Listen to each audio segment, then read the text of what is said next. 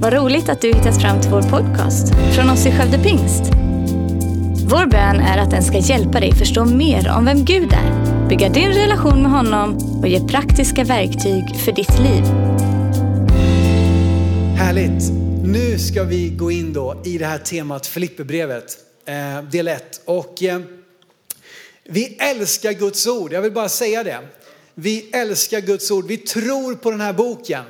Eh, vi tror inte på en del av den, vi tror på hela skriften. Vi tror att hela skriften är utandad av Gud och nyttig till undervisning för hela människan. Att vi ska få växa till i tro, växa till i Guds likhet och få komma närmare Jesus, bli mer lika honom.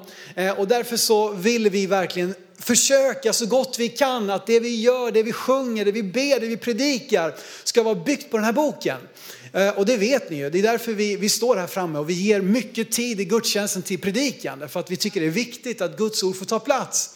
Ehm, och vi vill också inspirera och bara hjälpa dig att komma lite djupare i Guds ord på många olika sätt. Och ett sätt nu är att vi har valt då att ägna resten av mars åt att predika oss igenom och läsa oss igenom Filipperbrevet. Och vissa kyrkor gör så här jämt att man liksom predikar sig genom böcker. Andra kyrkor jobbar med liksom teman jämt. Andra kyrkor säger att nej, man ska lyssna in vad Gud säger varje dag. Det kommer vara ett nytt budskap. Eh, och jag tänker så här, varför inte göra alltihop? Alltså, vi har ofta haft lite teologiska samtal med Sven så där på, genom åren här. Och funderar, men hur ska det vara här egentligen? Och tittar man, är det så här eller så här? Ja, men kanske att det är både och. Det kanske inte måste vara antingen eller. Och jag tänker så att vi som kyrka, vi har liksom inte en fast form för exakt vad predikningar ska, ska gå till. Men nu ska vi göra det på det här sättet och få, jag tyckte det var härligt förut när Ellen läste kapitel 1 här. Ehm, och vi kanske inte kommer göra det jämt, men nu gör vi det de här fyra söndagarna. Innan vi läser Filipperbrevet ska jag läsa en halv vers ifrån Nehemja bok. Jag har fuskat lite grann. Eh, Nehemja bok kapitel 8, vers 9. Jag vill bara läsa den så här rätt upp och ner. Det står var inte bedrövade, för glädje i Herren är er styrka. Var inte bedrövade, glädje i Herren är er styrka. Passar inte det väldigt väl i en tid som denna när det är så mycket oro kring det som sker med coronaviruset. Vi vet inte hur allvarligt är det Kan man skydda sig mot det? Hur gör man det? Är, någon, är jag smittad? Är du smittad? Liksom det, det, det sprids en enorm rädsla och en enorm fruktan ut i hela vår värld just nu. Då behöver vi komma ihåg, vi ska inte vara bedrövade. Utan vi ska ha vår glädje i Herren, för det är vår styrka. Sen ska vi vara smarta och använda vårt förnuft, för det har Gud gett oss ett. Vissa mer än andra. Men i alla fall, vi ska använda vårt förnuft, men vi ska inte vara drivna av fruktan. Eh, utan vi ska ha vår glädje i Herren. Det ligger en enorm kraft i glädjen. Och inte då bara glädjen över att rätt låt vann. Tycker ni det? Har ni, kollade ni på Mello igår? Det, det, jag, bara, jag såg på morgonen nu, jag var ju och predikade. Vissa de, vissa de eh, spenderar tid i Guds hus och andra sitter hemma och lyssnar på profana låtar och popmusik och, och allt sånt där. Men, eh, men eh, det såg ut som en härlig, jag lyssnade på den nu på morgonen faktiskt. Det var en härlig låt tycker jag. Rätt så bibliskt tema får man ändå säga. Eh, det får man säga. Men det är inte bara en sån glädje vi talar om här åh, nu vann rätt låt och sen när fel låt vann, då blir vi ledsna. Eh, det är inte den typen av glädje som, som Bibeln vill ge oss, som tron på Gud ger oss. Det är en glädje som inte är beroende av omständigheter. Som inte, är, som inte har, liksom sin, som inte har sin eh, garant i någonting så så, någonting så löst och fluffigt som om vi har pengar på kontot eller om vi har liksom vad det nu är för någonting. Utan det har sin garant, det har sitt ankare fäst i Gud själv. Den typen av glädje kan vi få ha och det blir till våran styrka. Och det är den glädjen som vi kommer fokusera på. Och om du inte vet varför vi talar så mycket om glädje här nu så är det ju så att om det är någonting, om det är något tema som Filipperbrevet verkligen andas så är det just detta, glädje. 16 gånger på fyra kapitel så nämner Paulus glädje. Ni såg det när vi läste kapitel 1. Glädje, glädje, glädje. Nu har jag inte räknat hur många gånger det var faktiskt kapitel 1. Det borde jag ha gjort vid det här laget, men i alla fall. Eh, och därför vill vi tala om det. Det finns en som sagt en sån hemlighet, en sån kraft i glädje i Herren. Och den vill Filipperbrevet liksom leda oss in i den typen av glädje som Gud vill ge. Och det är väl underbart också att jag idag här får sätta en rubrik på kapitel 1 som jag kallar glädjen i evangeliet. Eh, och eh, det är ju glädjen i de glada nyheterna. Eh, evangeliet betyder glada, glädjebudskap eller goda nyheter. Och det är verkligen så att evangeliet ger oss glädje. Okej, så idag här nu så blir det lite bakgrund här. eftersom att vi ska gå in i det här så tänkte jag att det kan vara värt att bara förstå lite grann vad är det för plats, vad är det för, vad är det för bakgrund, vad har Paulus gjort på den här platsen? så vi ska få en liten bakgrund här. Och Paulus han kommer till den här staden Filippi som ju numera bara är en ruinstad eh, men som ligger i nuvarande norra Grekland. Och han kommer till den på sin andra missionsresa. Han är ute på tre missionsresor om man inte räknar, eh, åtminstone som vi vet om. Och sen kan man nästan räkna när han förs med, med båt och har, lider skeppsbrott och förs till Rom. Även om det är, han är fängslad så är det en typ av missionsresa för han gör mission där också. Men nu är vi på den andra resan eh, och på den här resan som är ungefär 49 till 52 efter Kristus, alltså drygt eller runt 20 år efter att Jesus har dött så kommer Paulus till den här platsen. Han reser på den här resan tillsammans med Silas och Timoteus. Timoteus, hans, eh, hans barn i Herren, som eh, ju eh, eh, tog över mycket efter honom och Silas, hans medarbetare. Och de håller på nu och reser omkring i det som man kallade då på den här tiden för Asien, eller det som vi tänker på som Turkiet. Där hade de varit i den första missionsresan, när de ber sig ut på den andra missionsresan så återvänder de till samma område. Men det verkar vara lite oklart efter att de har varit i Derbe och Lystra liksom i, i, lite sydöstra Turkiet kan man väl säga. Så, så verkar det vara lite oklart var ska de ta sig härnäst. Och vi ska läsa om det i Apostlärningarna kapitel 16. Det kan vara så att det står fel referens på, på, på skärmen här men vi ska läsa alltså, Apostlärningarna kapitel 16 om just hur de kom till, eh, jag har skrivit fel så det ska vara APG 16. Eh, och så läser vi härifrån vers 6 efter att de har varit i Derbe och Lystra, står de Paulus och hans följe. Sedan tog de väg genom Frygien och Galatien som de blev hindrade av den helige ande från att förkunna ordet i Asien. När de nådde Mysien försökte de ta sig till Betynien, men det tillät inte Jesu ande. De reste dem genom Mysien, du vet i Mysien där ska man inte stanna kvar för länge. Eh, det, det är liksom en kort stund på fredag kväll och sen så är det vidare in i, i, i arbetet här. Eh, ner till Troas, till tron, Troa. Eh, Vers 9. På natten såg Paulus en syn där en makedonier stod och vädjade till honom, kom över till Makedonien och hjälp oss. När han sett denna syn försökte vi genast ta oss vidare till Makedonien eftersom vi förstod att, Herre, att Gud hade kallat oss att förkunna evangeliet för dem. Vilken underbar berättelse om hur Gud leder. Ibland leder Gud oss genom vart vi inte ska gå och vad vi inte ska göra innan vi vet vad vi ska göra. Och då behöver vi vara lyhörda för Guds ande. Men här då den här resan de beskriver här, Mysien, Betynien, Troas, det är alltså en vandring på, på runda slängar 100 mil. Jag vet inte hur många av er som har gått 100 mil, men det är rätt så rejält. Eh, så här, de går runt, vart ska vi? Ja, jag vet inte, vi fortsätter väl. Och så går de runt där, det är svårt att säga exakt hur långt det är, vi vet ju inte vilken stig de tog och så vidare. De var Billingeleden eller vad det var för någonting som visar dem vägen. Men ungefär 100 mil tror man att det var, den här vandringen. Innan de till slut förstår var de ska ta vägen. Jo, det kommer en syn, en dröm till Paulus, en makedonier. Och Makedonien då var ju vid den här tiden norra Grekland med omnejd och det är där som Filippi staden finns. Så de tänkte att vi ska väl hänga här där vi har varit tidigare, där vi känner till Asien, eh, Turkiet. Men nej, Gud kallar dem vidare in i en ny kontinent. Det är spännande det här.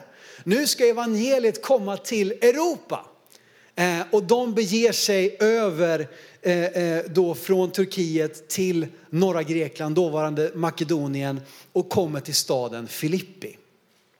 Eh, och det här var en stad på kanske 10-15 000 personer vid den här tiden.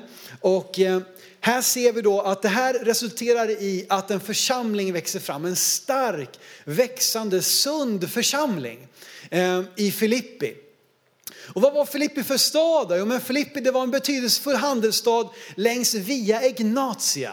Som var en väg som då gick från Rom och vidare ut i fjärran öst. Så att det var en viktig plats här och det fanns också guldgruvor vid Filippi. Så det var liksom ganska mycket industri där och man bröt guld och så vidare. Fick sitt namn av Alexander den stores far. Bara en sån sak. Lite uppblandad då, legionärer som pensionerade sig och slog sig ner där. Så det var både greker och det var romare och det var säkert mycket slavar som bodde där och en och annan också jude. Men vad händer då i, i, i den här, på den här platsen i Filippi? Jag vet inte om ni kommer ihåg vad som fortsätter händer i kapitel 16 här i Apostlagärningarna. Ni får gärna läsa om du vill. Men här kommer ju Paulus och till skillnad från tidigare platser så kan han inte söka upp en synagoga. Det finns ingen synagoga. Han brukar alltid gå till sin judiska, sina judiska vänner innan han så att säga gick vidare och predikade för andra. Men här finns det ingen synagoga. Vad betyder det? Det betyder att förmodligen var färre än tio judiska män i Filippi. För fanns det tio judiska män, då skulle man, eller kunde man i alla fall, bilda en synagoga. Eh, en judisk plats för, för bön och samtal och samråd och tillbedjan. Men det finns inte. Utan Paulus går istället längs eh, en, en vattendrag eh, där och letar efter en böneplats. Där han hittar en grupp med kvinnor som är där och ber, bland annat Lydia. Och det leder till att Lydia och hela hennes familj blir frälsta. Och här har vi ju de första nedtecknade konvertiterna i Europa. Spännande va? Eh, det är hela våran, här börjar evangeliserandet av hela Europa Eh, med att Lydia och hennes familj kommer till tro på Jesus, blir döpta i vatten eh, och de blir också värdfamilj för Paulus och Silas och Timoteus som säger kom och bo hos oss, så länge ni är här så kan ni bo hos oss. Eh, och där så börjar då starten på församlingen. Vad hände mer i Filippi? Jo, Paulus och Silas var ute och gick där och så brukade det, om ni kommer ihåg storyn där, det var en, en ung tjej som ropade efter, hon hade en spådomsande. Hon spådde människor och tjänade pengar åt sina slavägare. Men en dag får Paulus och Silas nog och de ropar till, henne, eh, till eh, spådomsanden att far ut, liksom släpp den här flickan ur, ur ett våld. Och genast blir flickan fri. Eh, men hennes herrar gillar inte det. Och därför slängs Paulus och Silas i fängelse. De piskas, de sitter i den djupaste fängelsehålan. Och vad gör de vid midnatt? Kommer ni ihåg? De börjar sjunga lovsång. Där sitter de liksom förmodligen blodiga, såriga, variga, eh, fastbundna för att de har hjälpt en liten flicka till frihet. Eh, och så börjar de sjunga lovsång. Och Gud gör ett under. Han skakar om fängelset, bojorna faller till marken, dörrarna öppnar sig och där står fångvaktaren redo att ta sitt liv. Därför att han har ju svikit på sin post. Men Paulus och Silas lugnar honom och där har vi nästa familj som kommer till tro på Jesus, fångvaktaren och hans familj. Så fångvaktaren hans familj, Lydia och hennes familj verkar bli grunden för den nya församlingen som växer fram i Filippi. Ehm, och sen så kommer det då vidare. Och Filipperbrevet då, det här brevet vi ska läsa nu, när kommer det in? Jo men det skrivs ungefär tio år senare. Eh, skrivs Filipperbrevet under Paulus fångenskap i Rom. Ni vet han gjorde tre missionsresor och sen blev han fängslad och han säger jag vill fara till Rom för att ställas inför rätta inför kejsaren.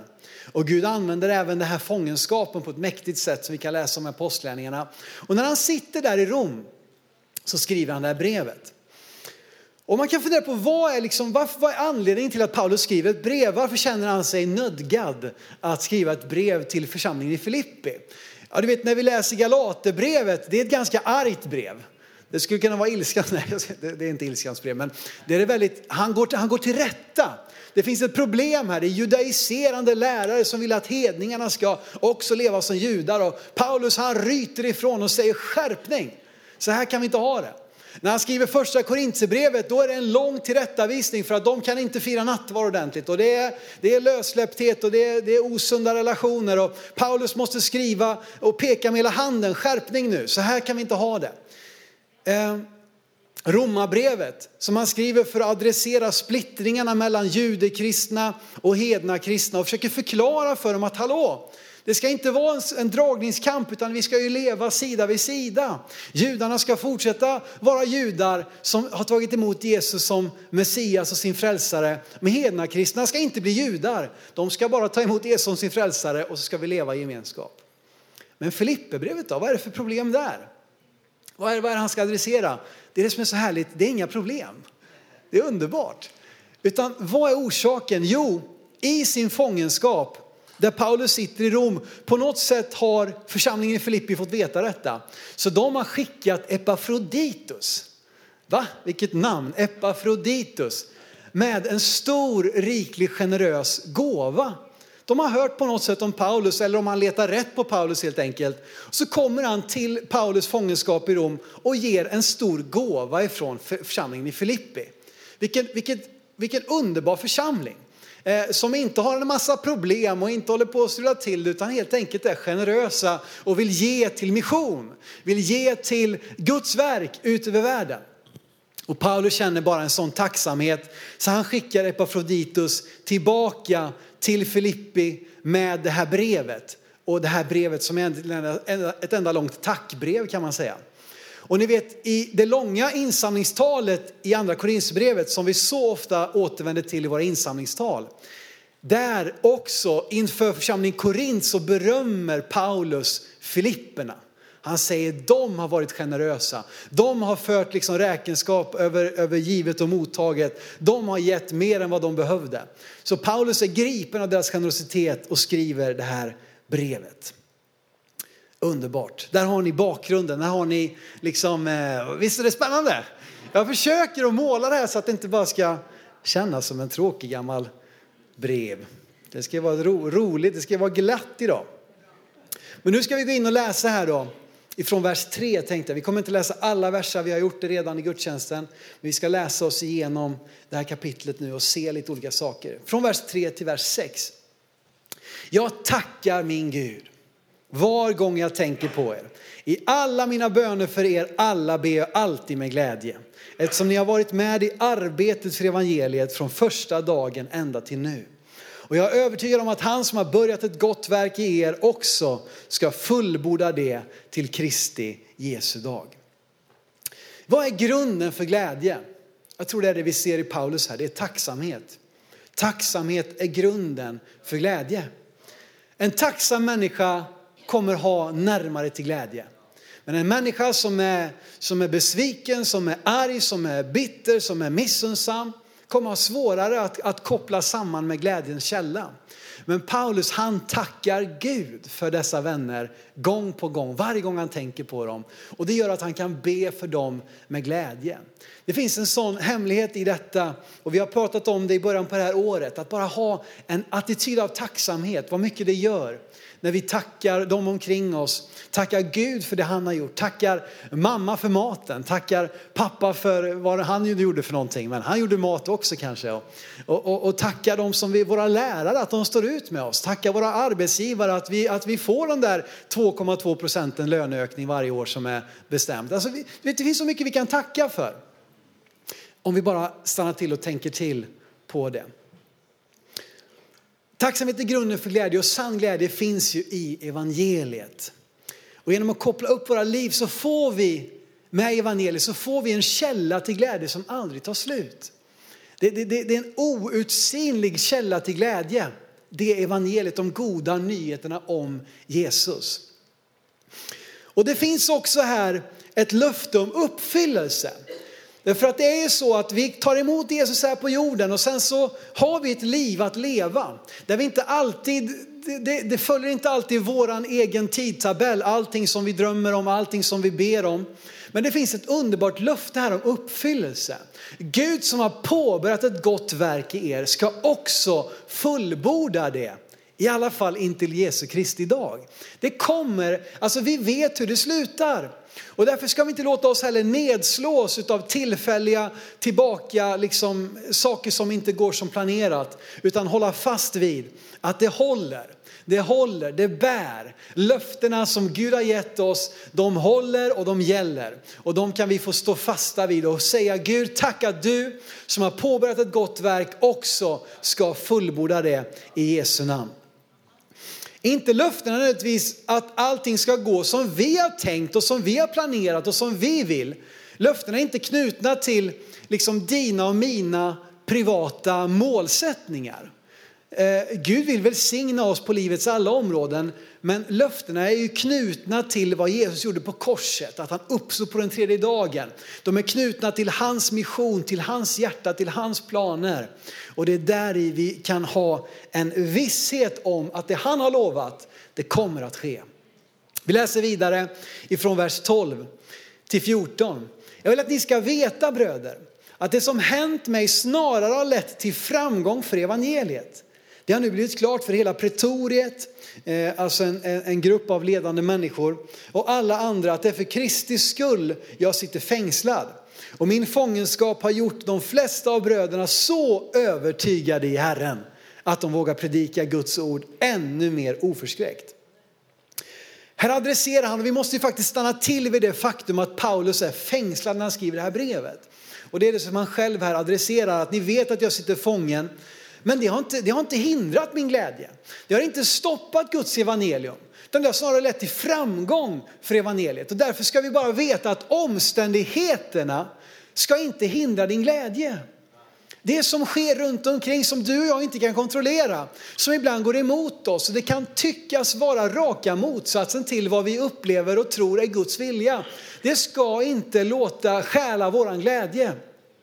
Paulus såg att tvärtom så ledde hans fångenskap till framgång för evangeliet. Inte till framgång kanske för hans, liksom, han, fick, han fick några nya ärr på ryggen. Han fick några nya liksom, eh, slag som han fick ta emot. Han fick eh, en del nya påhopp genom de här åren. Men evangeliet hade framgång. Evangeliet hade framgång. År har gått här utav husarrest, fängelse, lång och besvärlig båtresa med skeppsbrott eh, och annat strul innan han nu är, fångens, är i fångenskap i Rom. Men påverkar det Paulus glädje? Nej, inte alls.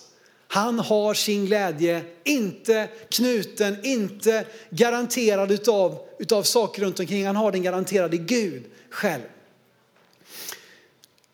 Du vet, det är bättre att vara i Guds vilja som fånge än att vara utanför Guds vilja i all frihet som den här världen har att erbjuda. Ehm, och, och det är lätt för oss att säga det.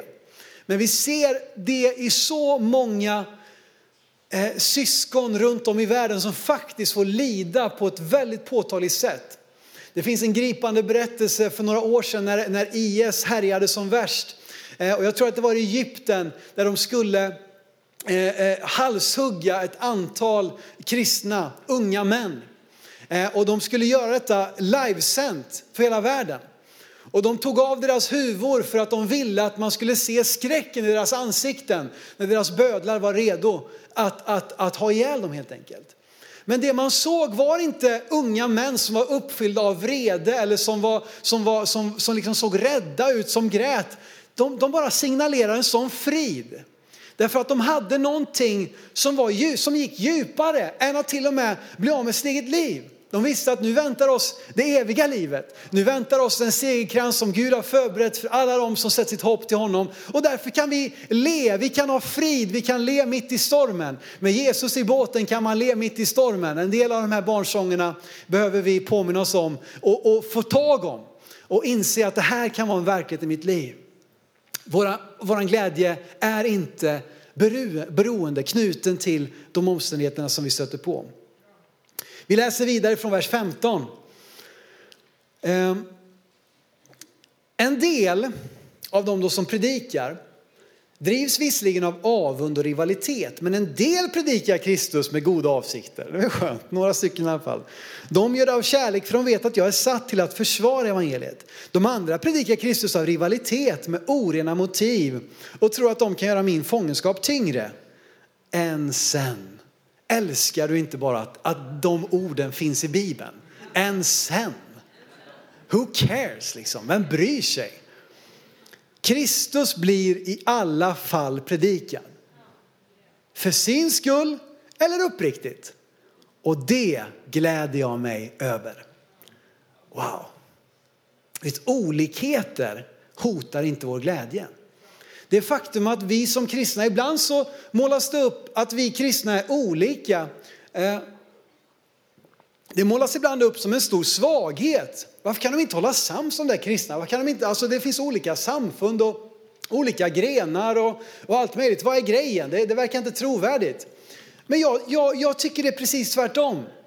Självklart ska vi vara överens om, om, om liksom grunderna i den kristna tron, att Jesus Kristus är Guds son.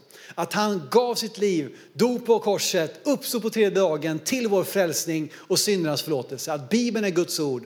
Alltså apostoliska trosbekännelsen, den ska vi vara väldigt överens om.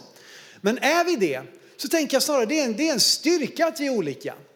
Jag satt med några av våra pastorskollegor här i torsdags eh, och vi, vi, vi hade en frukost där tillsammans och pratade lite grann. Och, och jag sa det till dem, jag är så glad att vi firar gudstjänst på olika sätt i våra olika kyrkor. För det betyder att vi kan nå fler människor. Vet, alla människor gillar inte alla typer av uttryckssätt, om ni inte har märkt det. Eh, eh, och, och alla kan inte vara allt för alla. Alla är välkomna, alla är inkluderade, men alla kommer inte att tycka om allting som sker hela tiden. Men förhoppningsvis kan vi nå en grupp människor. Förhoppningsvis kan vi täcka in vår stad och människorna som finns omkring oss så att våra olikheter tvärtom leder till att fler människor får en kontaktyta med evangeliet. Och därför välsignar jag och vi som kyrka våra syskon i den här, i den här staden och ute i vårt land, ute i vår värld. Så länge Jesus predikas, så länge det är han som människor leds till, så ska jag glädja mig. Vi ska aldrig tala ned och raljera om andra kristna. Det får inte finnas på kartan att vi kritiserar, alltså Eh, och tala ner, tala, snacka skit om andra kristna sammanhang. Vi ska ta samtalet när det ges tillfälle. Vi, vi, ska, vi duckar inte för att stå för någonting, det är inte det jag säger. Men vårt uppdrag är inte att tala om vad alla andra kristna gör för fel. Vårt uppdrag är att predika Jesus för dem som vi kommer i kontakt med. Och är vi fler kyrkor som gör det så kommer vi nå fler människor. Från vers 21 läser vi vidare till 24. För mig är livet Kristus och döden en vinst. Men om livet här i kroppen innebär att mitt arbete bär frukt, då vet jag inte vad jag ska välja. Jag dras åt båda håll. Jag har en längtan att bryta upp och vara hos Kristus. Det vore mycket bättre. Men för er skull är det mer nödvändigt att jag får leva kvar här i kroppen. Evangeliet ger livet perspektiv. Evangeliet ger livet innehåll. Och därför blir det som Paulus säger, livet för mig, det är Kristus. Och döden är ingenting jag räds, det är tvärtom en vinst. Det är en belöning. Vi vill leva ett fullt liv här på jorden, men den dagen Gud kallar oss så är vi befordrade. Då kammar vi hem priset, vi får jackpotten, vi får liksom guldmedaljen. Det är det som väntar oss. Och evangeliet ger livet perspektiv och Paulus förstod vad som var av värde. Han förstod att det här livet handlar inte om vem som samlar på sig mest eller vad det nu kan vara för någonting som vi inbillar oss själva. Utan det som ger livet värde är Jesus och evangeliet om honom. Eh, och just den här,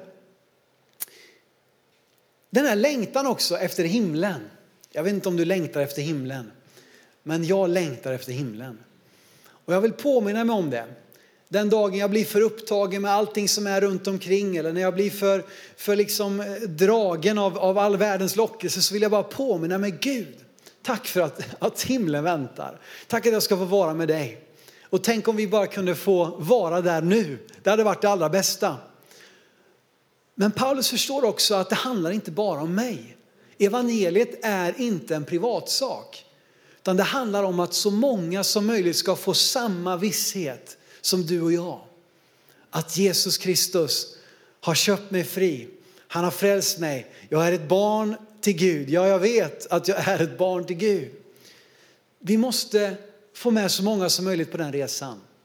Och därför så ska vi vänta en liten stund till innan vi lämnar det här jordelivet. Och vi ska leva vårt liv här nere med ett fokus. Gud, låt din vilja ske genom mig. Så som i himlen såg på jorden och Guds vilja är att alla människor ska bli frälsta. Det är så gott att det står till och med i Timoteusbrevet att Gud vill att alla människor ska bli frälsta om du någonsin har tvivlat på det. Evangeliet ger livet perspektiv. Vi läser vidare till sist härifrån vers 27 till 29. Se bara till att ni lever på ett sätt som är värdigt Kristi evangelium. Vare sig jag kommer och besöker er eller inte. Låt mig få höra om er att ni står fasta i samma ande och samma sinne och kämpar för tron på evangeliet. Utan att på något sätt låta er skrämmas av motståndarna. Det blir för dem ett tecken på att de går förlorade medan ni blir frälsta och det av Gud. Ni har ju fått nåden att inte bara tro på Kristus utan också att lida för hans skull. Vet, evangeliet gör livet värt att leva. Evangeliet gör att det är värt att fortsätta, att inte ge upp, att kämpa vidare. För att vi får koppla upp våra liv med den mening och innehåll som evangeliet ger. Evangeliet erbjuder den största gåva en människa någonsin kan få. Frälsning, evigt liv, både efter och före döden. Har du tänkt på att det eviga livet börjar inte efter döden? Ibland så kan vi nöja oss med att bara veta att vi ska få leva ett liv efter döden, men jag tror att vi också ska få leva ett liv före döden här på jorden. Och det erbjuds utan hänsyn till social, demografisk, kulturell tillhörighet. Det, det, är så stort, alltså den här generositeten där Guds utsträckta hand erbjuder evangelium till varje människa som vill ta emot det. Och vi ska inte låta oss skrämmas av vare sig vår egen otillräcklighet eller andra människors hån och hot. Utan stå fasta, kämpa för tron på evangeliet. Jag tycker det är så utmanande det som står här. Vi ska inte låta oss skrämmas av motståndarna. Utan vi ska stå fasta. Utan det blir för dem ett tecken på att de går förlorade medan ni blir frälsta och det av Gud. vet, alla kanske inte kommer ta emot det evangeliet som, som, som Gud erbjuder. Men vi ska i alla fall erbjuda det. Eh, och till sist här också så har vi inte bara fått nåden att tro på Jesus, utan vi har också fått nåden att lida för hans skull. Det står ju här, ni har fått nåden att inte bara tro utan också lida för hans skull. Eh, och här vilar en hemlighet. Och Paulus är vårt exempel i det lidande vi ska uthärda för Kristus. För det är så lätt här att, att vi börjar mixa ihop det. Vad är det för typ av lidande som, som, som, som Bibeln talar om här? Ja, hur hade Paulus fått lida? Jo, överallt där han reste så fick han lida för evangeliet. Han blev fängslad för evangeliet. Han blev piskad för evangeliet. Han blev till och med stenad för evangeliet. Han eh, led skeppsbrott för evangeliet. Alltså det fanns en förföljelselidande som faktiskt var Paulus kors att bära. Och jag tror att det är det lidandet som faktiskt vi har kvar att bära.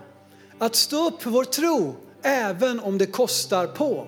Även om det innebär att familjen vände sig emot oss. Även om det innebär, det var så starkt häromveckan när, när, när vi hade dop här.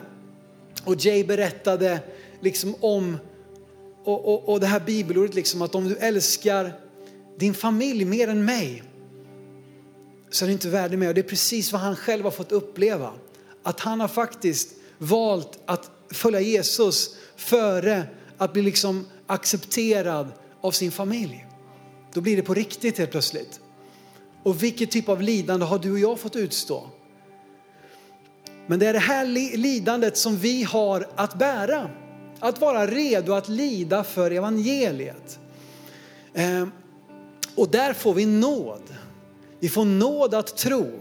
Av nåd är vi frälsta genom tro. Men av nåd kan vi också utstå det lidande som kommer i vår väg.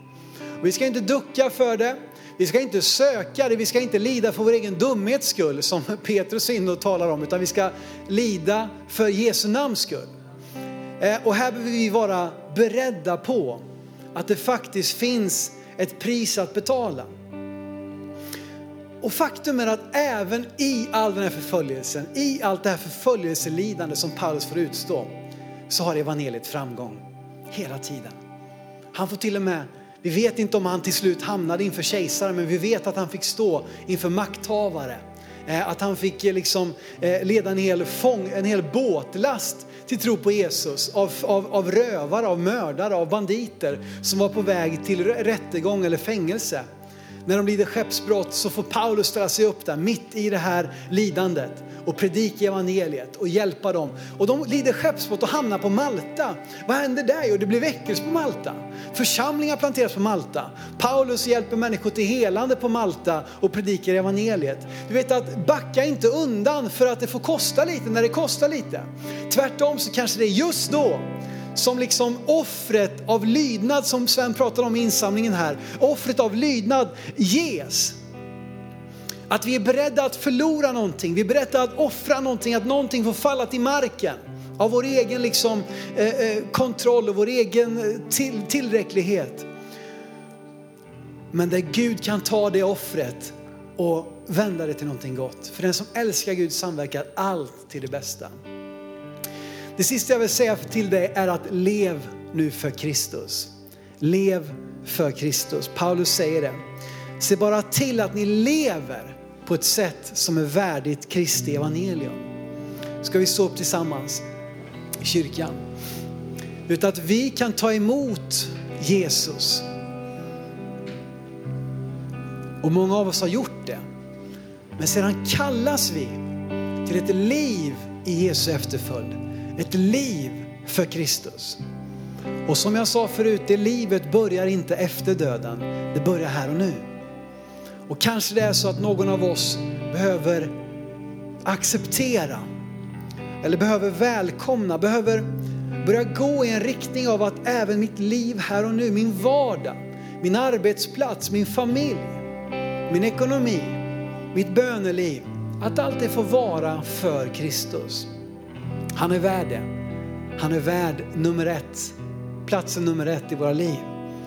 Med tanke på allt vad han har gjort, allt vad han har gett och den glädje som evangeliet ger så finns det inget bättre än att också leva för honom. Tack för att du lyssnat. Dela gärna podden med dina vänner och glöm inte att prenumerera så du inte missar nästa predikan. Om du har några frågor eller vill att vi ska be eller tacka för något tillsammans med dig så får du gärna höra av dig till kyrkan skövdepingst.se. För oss är veckans höjdpunkt söndagens gudstjänst och det vore så kul att träffa dig där. Våra team finns då redo att ta emot dig och det finns även egna samlingar för barnen. Du hittar mer information om oss, vilka vi är och våra olika mötesplatser på skövdepingst.se. Gud välsigne dig och ha en fortsatt bra vecka.